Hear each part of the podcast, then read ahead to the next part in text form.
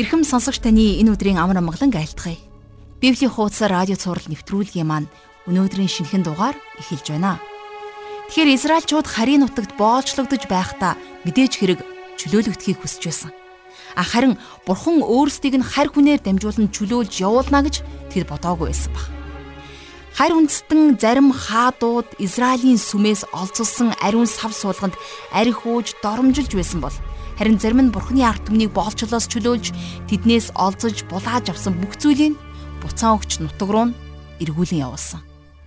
Нэг удаа Есүсийг Назар хотынх гэдгийг мэдээд нэг хуулийн багш Назараа сайн юм гарна гэж юу гэж хэлсэн байдаг. Бурхан хамгийн сул дорой үндэстний нэр хүнд муутай жижиг хотоос бүх дэлхийн хүн төрлөختнийг аврах ажлаа эхлүүлсэн юм аа. Өнөөдөр бид үргэлжлүүлэн харь үндэстэн өөрт нь итгэдэггүй хүмүүсийг бурхан хэрхэн яаж ашигласан гэдэг гайхамшигтай түүхийг үзэх болно. Хичээл хэлхээс өмнө хамтдаа энэ цагийг бурханд өргөж залбирцгаая. Бурхан Аава, таньда энэ цагийн төлөө талархаж залбирч байна. Энэ өдөр бид таны үгийг судалж, таныг улам илүүгээр таньж мэдхийг хүсэж байна. Үнэхээр тантай зүүрлэх хинч байхгүй гэдгийг бид мэднэ. Ямар ч хиймэр шүтэн тантай энэ зэрэгсэж чадахгүй Энэ гайхамшигтай үнэнийг та бидэнд энэ цагт дахин сануулж, дахин ухааруулж өгөөрэй. Сонсох хүнийг болгоны зүрх сэтгэлийг нь та чихийг нь нээж өгөөрэй. Таны үгийг улам илүүгээр ойлгохын тулд ариун сүнсээрээ энэ цагийг та удирдаарай. Бүх зүйлийг танд өргөж эзэн Есүсийн нэрээр залбирanгуйлаа. Амен. Ингээд хамтдаа жаргал агшиг хичээлд анхаарлаа хандуулцгаая.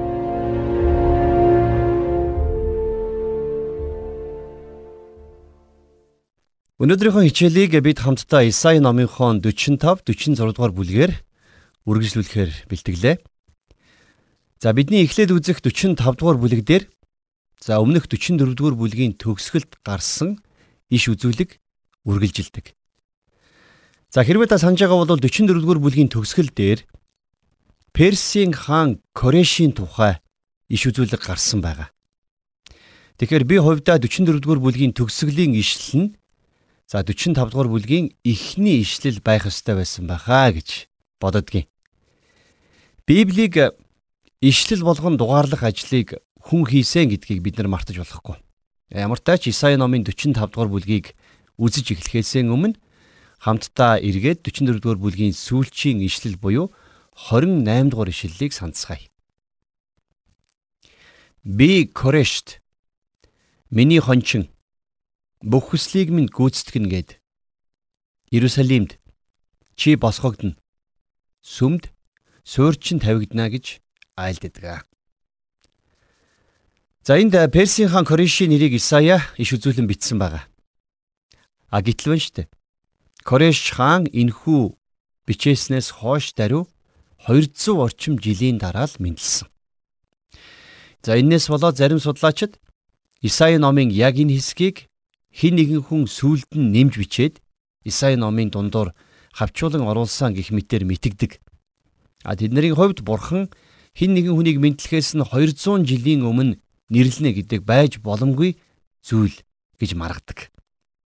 Харин итгэгч бидний хувьд энэ нь бүрэн боломжтой гэдгийг та бид нар сайн мэднэ. Учир нь бурхан бол бурхан. Тэгвэл Кореш ханыг мэдлэхээс бүр 200 жилийн өмнө бурхан яагаад Ийхүү нэрийн дуудан байж иш үзүүлгийнхаа үгсийг өгсөн юм бэ. За миний бодлоор бол энэ дараах хэд хэдэн шалтгаан байгаа. За юуны төрөнд бурхан өөрийнхөө ард түмэнд сайтар сануулахын тулд энийг эртнээс хэлсэн. Өөрөөр хэлэх юм бол хожим нь Кореш гэгч нэгэн хаан өөрийн зарилгийг буулгах үед Израильчууд ямар ч эргэлзээгүйгээр иш үзүүлэгч Исаигийн үгс биелэлээ олсон болохыг мэдэх боломжтой гэсэн үг. Хожим нь Кореш хааны зарилгаар Израильчууд Вавилоны цөллөгнөөс иргэн ирж төрсөн нутагта буцан ирэх боломжтой болсон байдаг. За бас Исая Корешийг нэрээр нь дуудан энд бичсэн нь Исаигийн иш үзүүлэг үнэн болохын баталгаа. Хэрвээ байж та 200 жилийн дараа мэдлэх Кореш хааны тухай Исаигийн иш үзүүлэг үнэн байсан бол тэрний бусад иш үзүүлгүүд ч гэсэн бас үнэн бөгөөд гарцаагүй биелэлээ олно гэсний баталгаа. За тэрч бүхэл Исая 700 жилийн хойно мэдлэх Есүс Христийн тухай маш оновчтой зөвгнөн иш үзүүлсэн байдаг шүү дээ. аврагч Месиа буюу аврагч Есүс Христийг онгон бүсгүйгээс мэдлэх болно гэсэн Исаигийн иш үзүүлэгч 700 жилийн дараа бодит биелэлээ олсныг түүх бидэнд илтгэдэг. За бурхан Кореш хааныг миний хончин гэж нэрлээд тэрнийг миний бүх хүслийг минь гүйцэтгэнэ гэж хэлсэн байна. Корешийн тушаалаар хожим нь Иерусалим хотыг дахин босгон барьж байгуулсан байдаг. Бурхан хойд Израильчуудыг Ассирчуудад эзлүүлсэн болвол харин өмнөд Юудаг Вавилоны гарт өгч Вавилончуудын гараар Иерусалим хотыг нураалгасан байдаг. Харин тэгээд дараагаар нь Бурхан Вавилончуудыг шүүж тэднийг Персийн гарт өгсөн. Харин Персийн хаан Кореш Вавилоны цөллөгт ирээд байсан Израильчуудыг нутаг руу буцаасан байдаг юм а. Ингээд бурхан Корешийн тухай айлдахдаа түүнийг миний хончин, миний бүх хүслийг минь гүйцэтгэнэ гэж хэлсэн байна. Хожим та бид нар бүгдээрээ мөнхийн улсад очих үед хоёр зүйлсээс болж шоконд орох байхаа гэж би хувьдаа боддгийн. Эхнийх нь болохоор бидний огт тааварлаагүй олон хүмүүс тэнд бидэнтэй хамт байх болно. За магадгүй тэдний нэг нь Кореш хаан байж ч магадгүй гэж би хувьдаа боддог. За харин хоёрдугаард За биднийг цочролд оруулах хоёрдугаар зүйл юу вэ гэхээр бидний тэнд уулзандаа гэж бодсон олон хүмүүс диважинд байхгүй байх болно. Та бидний хувьд мөнхийн улсад очих цорын ганц зам болвол Есүс Христэд итгэх итгэл гэдгийг би дахин сануулan хэлмээр байна. За ингээд бурхан энд Корешийн талаар хэлэхдээ тэрнийг бүх зорилгыг минь гүйцэтгэгнэ гэж хэлээгүү харин бүх хүслийг минь гүйцэтгэгнэ гэж хэлсэн байгааг санаарай. Ассирийн хаан Синахариб Вавилоны хаан Небухиднецар 2 Бурхны зорилгын дагуу хойд Израиль болон өмнөд Юдагийн дээр шүлтийг буулгасан. Харин Кореш бол өөр. Кореш хааны тухай бурхан өгүүлэхдээ тэрнийг миний хончин бүх хүслийг минь гүйцэтгэнэ гэж хэлсэн байна. За ингээд хамтдаа Исаи номынхоо 45 дугаар бүлгийн 1-р ишлэлээр үргэлжлүүлэн уншийе. Хаадын хуйг дуулгыг алдууруулахаар үүдийг нь үл хааж өмнө нь хаалгуудыг дэлгэхээр өмнө нь үндэстнүүдийг захируулахын тулд баруун гарыг нь барьсан өөрийн тосолсон корешт эзэн ийн айлдж байна. За энэ бол үнэхээр Ервишийн иш үзүүлгээ. Исаигийн эдгээр үгс бичигдснээс даруй 200 жилийн дараагаар Персийн хаан Кореш энэ дэлхий дээр мэндэлсэн шүү дээ. Тэгэхээр Кореш хааны бунхан Ираны нутгаас олдсон байдаг. Тэрний бунхан дээрх бичээс нь маш эгэл даруй байсан гэдгийг түүхийн их сурвалжууд нотолсон байна. Тухайн үеийн эзлэн төрөмгийлэгчид бүгдээрээ ихэрхэг бардам хүмүүс байсан. Тэд нар зөвхөн өөрсдийгөө дүвийлгэж янз бүрийн түүх домгуудыг зохион өөртөөгөө холбон бичүүлдэг байсан. А ингээд тэдний булш бунхан дээрх бичээсүүд нь иймэрхүү зохиомл түүхүүдээр дүүрэн байдаг. Харин Кореш бол өөр. Корешийн бунхны бичээс маш игэл даруй байсан гэдэг. А гэхдээ хэдий тэрний булшин дээрх бичээс нь даруй байсан ч гэсэн тэр бол эртний агуу Перс гүрнийг үндэслэн байгуулсан агуу удирдахч хаан байсан юм. Тэгэхээр Исаиянд хэлэхдээ өөрийн тосолсон Кореш эзэн ийн айлдж байна гэсэн байна, тийм ээ?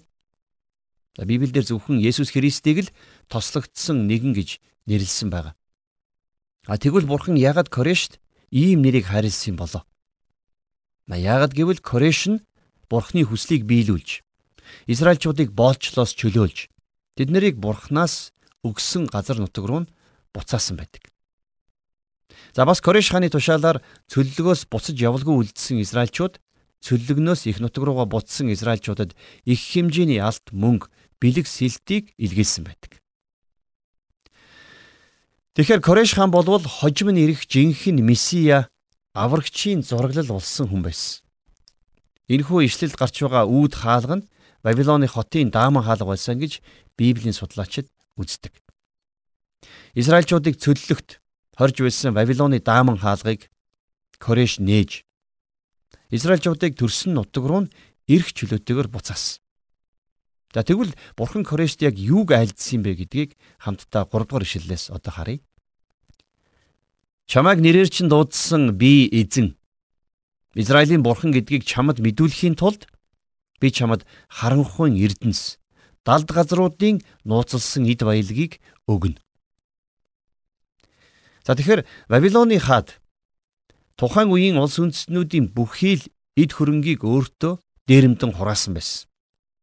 За жишээлх юм бол Иерусалимийн бүхэл эд баялаг Вавилонд олзлогдсон очисон байдаг. Харин бурхан тэр бүх эд баялагийг Персийн хаан Корешт өгсөн юм. 4-5 дугаар ишлэл. Миний сонгосон Израилийн төлөө би чамайг нэрээр чинь дуудсан. Чи намайг танихгүй ч би чамайг овгөлсөн билээ. Би эзэн өөр байхгүй. Надаас өөр бурхан алга.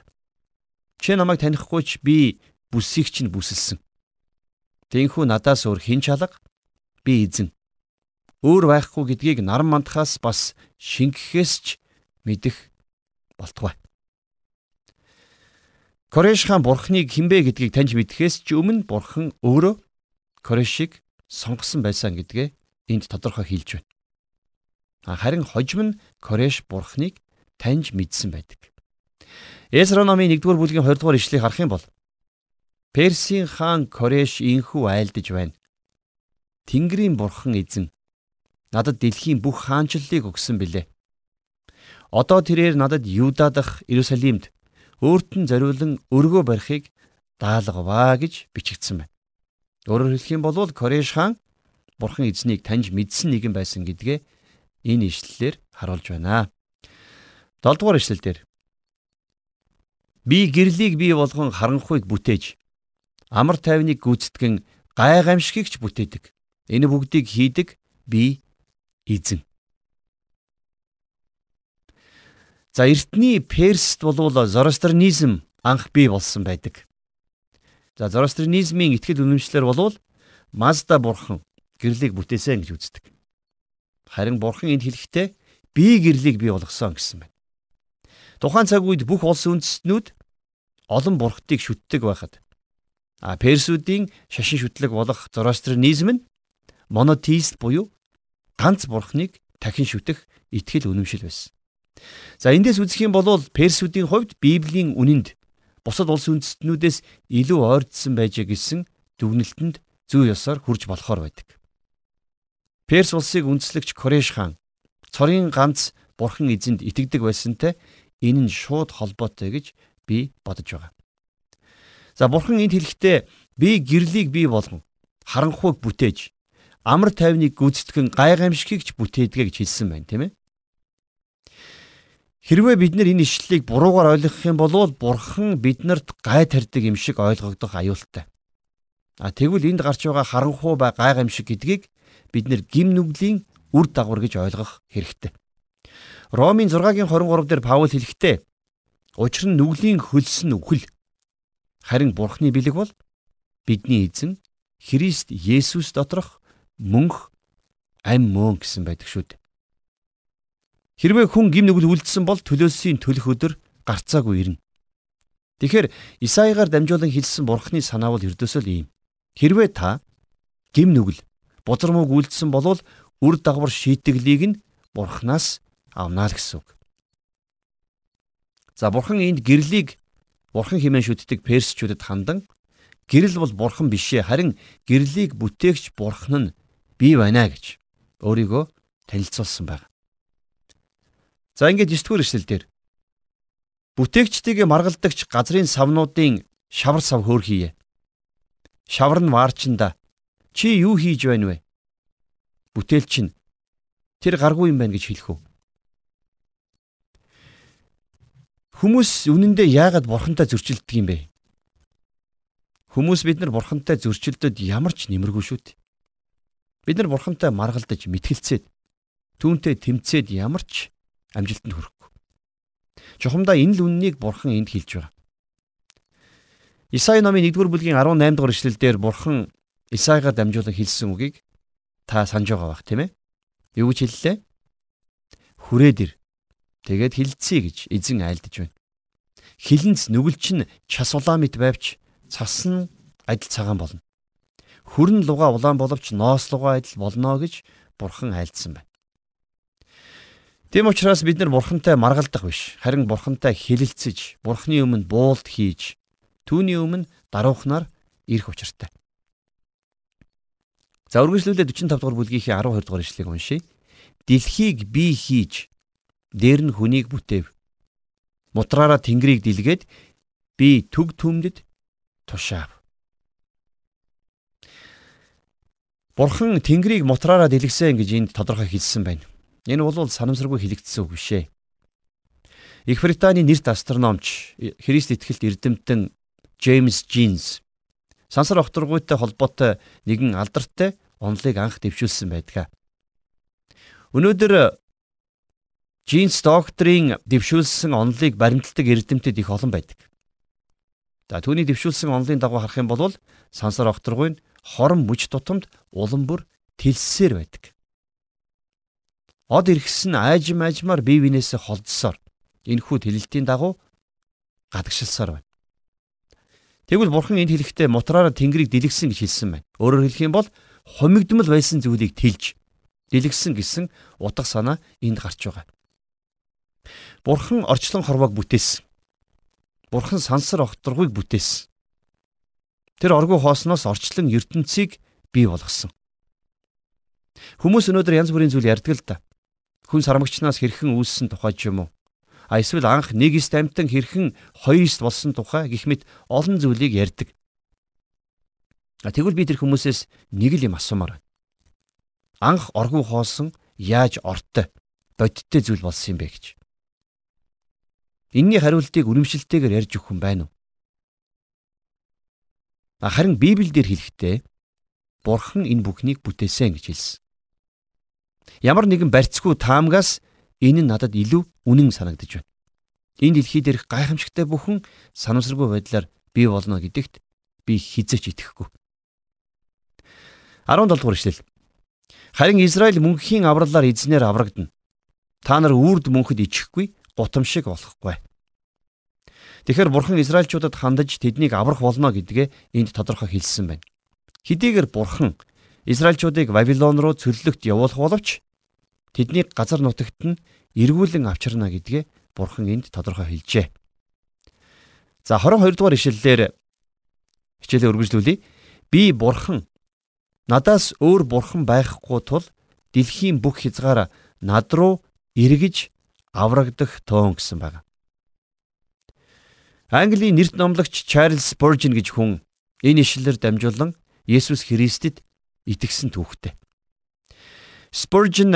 Spurgeon мигэн ням гаргийн өглөө гадуур явж байтал хүчтэй цасан шуурга дэгдсэн байдаг. Тэгэд ванир шуурганаас хорогдохоор нэгэн жижигхэн сүмийн байр руу орсон байна. Тэр айхтар хүчтэй шуурганы улмаас тэр жижигхэн цуглаан дээр ирж номлол хийх ёстой байсан пастор ирж амжаагүй байсан.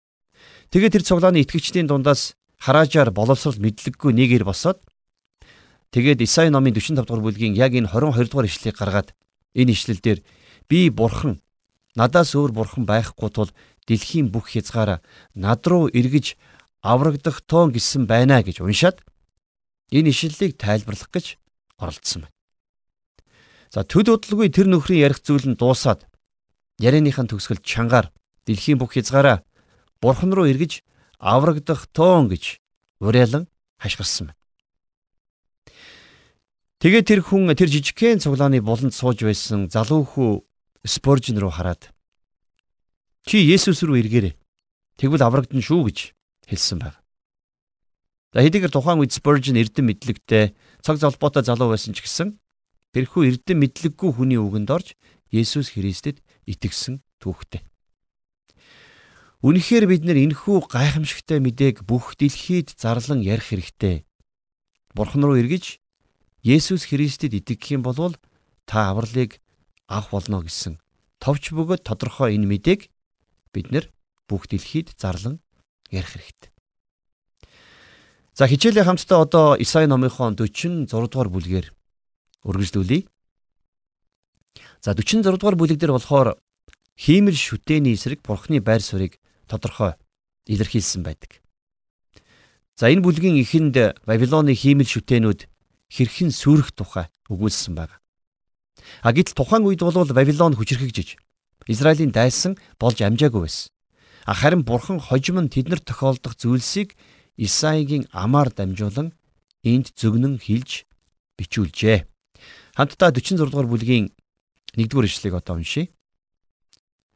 Бэл бүхийн Нибо сунаж унана. Шүтэнүүд нь араатан ба мал адгуус дээр ачигдсан байна. Тэшт нь ядарсан адгууснуудад үүрэх хүнд ачаа болжээ. Энд гарч байгаа Бэл Нибо хоёр бол Вавилоны бурхтын нэр. Бэл гэдэг нь Баал бурхны тавчилсан нэр. За бас сатааны нэр болох Белзебуб гэдэг нэрийн эхний үе. За харин Нибо гэдэг нь яригч буюу иш үзүүлэгч гэсэн утгатай нэр. Үйлс номон дээр гардаг түүхэн дотор Паул Барнаб хоёр Лустер хэмээх хотод очих үед тентхийн хүмүүс Барнабыг Бэл буюу Зевс бурхан харин Паулийг Нибо буюу Хермес бурхан гэж нэрлэж байсан.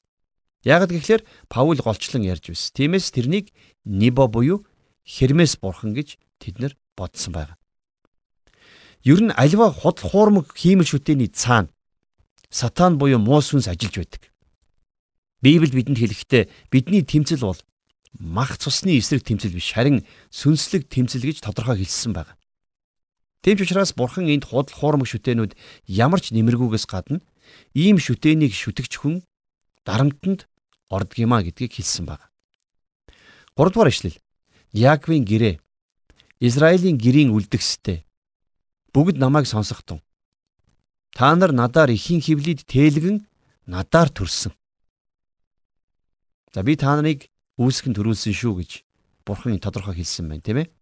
Дөрөвдүгээр ишлэлдэр та нарыг өндөр настай болсон ч би байсаар байна. Үс буурал болсон ч би авчих болно. Би хийсэн, би тэн. Би түшиж яваад аварнаа. За үнэн худлын хоорондох бодиттой ялгааг болвол бид нар эндээс харж болно. Бурхан Израилийг төдийгүй бүх хүн төрлөختнийг тэн түшиж явдаг. Бид нар үнэн бурханд түшиглэн амьдрах үед бурхан та биднийг түшиж авдаг. Харин худал хуурмаг хиймэл шүтээнүүдийг шүтгчт нь өөрсдөө тэр шүтээнээ түших ёстой болдгийг. Бурхан бидний гим нүглийг өөртөө тээсэн. Тэр бидний санаа зовнилыг ч өөртөө тээдэг. Петрийн 1-р загтлын 5-ын 7 дээр тэр та нарт санаа тавьдаг учраас бүх зовнилоо түүнд үүрүүл гэж хэлсэн байна. Өнөөдөр бурхан бид нарыг өөр дээрээ тэн явж байгаа. Дид хууль номын 33-ын 27 дээр мөнхийн бурхан бол орших газар. Түүний мөнхийн мутар доорч нь байна. Тэрээр чиний дайснуудыг өмнөөс чинь зайлуулж устдаг гэж айлдсан гэж бичсэн баг. Харин бурхан шиг ийм агуу нэгэн гэж байхгүй. Ямар ч хиймэл шүтэн амьд бурхан шиг байж чадахгүй. За 5 дугаар ишлэгийг уншийе. Намайг та нар хинтээ адилтгаж надтай зэрэгцүүлэн зөөрлөж өөрсдийгөө адилтгах гэсэн юм бэ. Өнөөдөр хүн төрлөختөн бурхныг таньж мэдхэд цаад болдог нэг зүйл бол бурхан хязгааргүй харин бид хязгаарт. Тэм учраас биднэрт бурхантай адилтгаж зөөрлөх зүйл гэж нэгч байхгүй. Түүний төгс мөн чанарыг бид нар хүний хэл рүү хөрвүүлэн ойлгож чадахгүй. За тийм учраас бурхан хүн болон бидний дунд ирсэн. Бид Бурхныг таньж мэдэх цорын ганц арга зам бол түүний хүү Есүс Христ. Тэр бидэнд Бурхныг илчилж өгсөн юм. За 6 дугаар ишлэгийг уншийе. Зарим нь төрөвчээсээ алтаа хайрлалгүй өгч мөнгийг жинлүүрээр жинлэн алтны дарахныг хөлсөлдөг. Тэр түүгээр нь бурхан хийдэг. Тэгээд тэд түүндээ сунаж унан мөрөгдгөө. За зарим хүмүүс модоор шүтэн хийдэг болвол харин зарим хүмүүс алт мөнгөөр шүтэн хийдэг. Хүмүүс эд баялагийнхаа хэрээр л хиймэл шүтэнийг янз янзаар хийлэгдэг. Баян хүн болвол үнтэй бурхантай, а ядуу хүн болвол хямдхан бурхантай. Хүмүүс ийм л байдаг шүү дээ. А гэтэл цорын ганц бурхан өөрийг нь шүтгчдэр өөрийгөө хизээч тодорхойлуулдаггүй. 7 дугаар ишлэгийг уншийе. Тэд өнөөхөө мөрөн дээрээ дамнан зөөж байранд нь залдаг. Өнөөх нь байрнаасаа хөдлөхгүй зогсдог. Түүн рүү нэг нь хашгирлаа гэхэд тэр хариулахгүй. Мөнөөхийг зовлон шаналнгаас нь ч чөлөөлөхгүй. Хүмүүс янз бүрийн бурхан шүтэн хийлгээд тэр бүхнээ тэрүүн дээрээ өргөж гэрийн хоомор залдаг. Гэхдээ хиймэл шүтэнд сонсох чих, ярих ам, харах нүдгэж байдаггүй. 9 дугаар ишлэл. Учир нь би бурхан өөр байхгүй. Би бурхан надтай ижил нь үгүй учраас өн урдийн эртний зүйлсийг санах туун гэж хэлсэн байна. Хэдийгээр хиймэл шүтэнүүд янз бүр байдаг ч гэсэн амьд бурхантай адил нь үгүй. Хүмүүс өөрсдийнхөө бурхныг өргөөд явдаг. Тэр хиймэл шүтэнүүд нь тэдэнд янз бүрийн ачаа дарамт болж байдаг. Харин жинхэнэ амьд бурхан биднийг тээж явдаг болохоос бид нар бурхныг тээж явах ямар ч боломжгүй гэдгийг бид ойлгох хэрэгтэй. Бурхан бидэнд ямарваа нэгэн дарамт садаа болох ёсгүй. Хэрвээ та Христэд итгээд цуглаанд явснаасаа болоод ямар нэгэн ачаа дарамт үүрч байгаа бол та өөрийнхөө замналыг эргээд нэг бодчоорой. Бурхан таныг өргөн явж Бурхан таны ачааг хөнгөлдөг болохоос Бурхан танаар өргүүлж таны ачааг хүндрүүлдэг Бурхан биш юм шүү.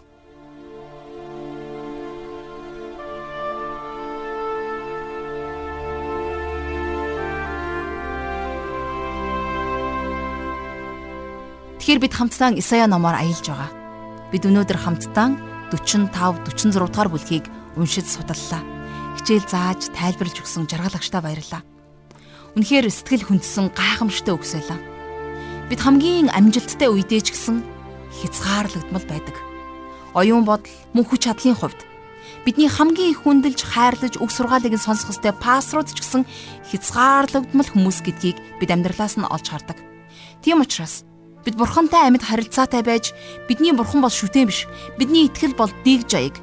Ёс журам биш гэдгийг хүмүүст харуулах хэрэгтэй маа. Нэг номлогч ингэж хэлсэн байдаг. Хэрвээ таныг шашин чинь өөрчлөхгүй бол бурханд итгэ гэж хэлсэн байдаг. Энэ нь юу гэсэн үг вэ гэхээр орчлон ертөнцид цорын ганц бурхан байдаг гэдгийн тодорхой нэг гэрчлэл гэж бодож байна. Өнөөдрийн хичээл маань энэ хүрээд өндөрлөх гэж байна. Хөтлөгч миний зүгээс танд сануулж ятгах үг бол Бурхан таниар өөрийгөө арчуулах гээгүй. Тоосоо арчуулж эсвэл өнгө будгаас сэргээлэгдэг эд биш юм а. Тэр өөрийн амьд ариун хүч чадлаараа таныг харж хандаж, аюулаас гитлгэж өдр болгон шин байлгаж чадах нэгэн шүү. Хамтдаа эзний мөхөшгүй, дундрашгүй, үл хуучрах энэ гайхамшигтай мөн чанарын төлөө талархал магтаалыг өргөж залбирцгаая.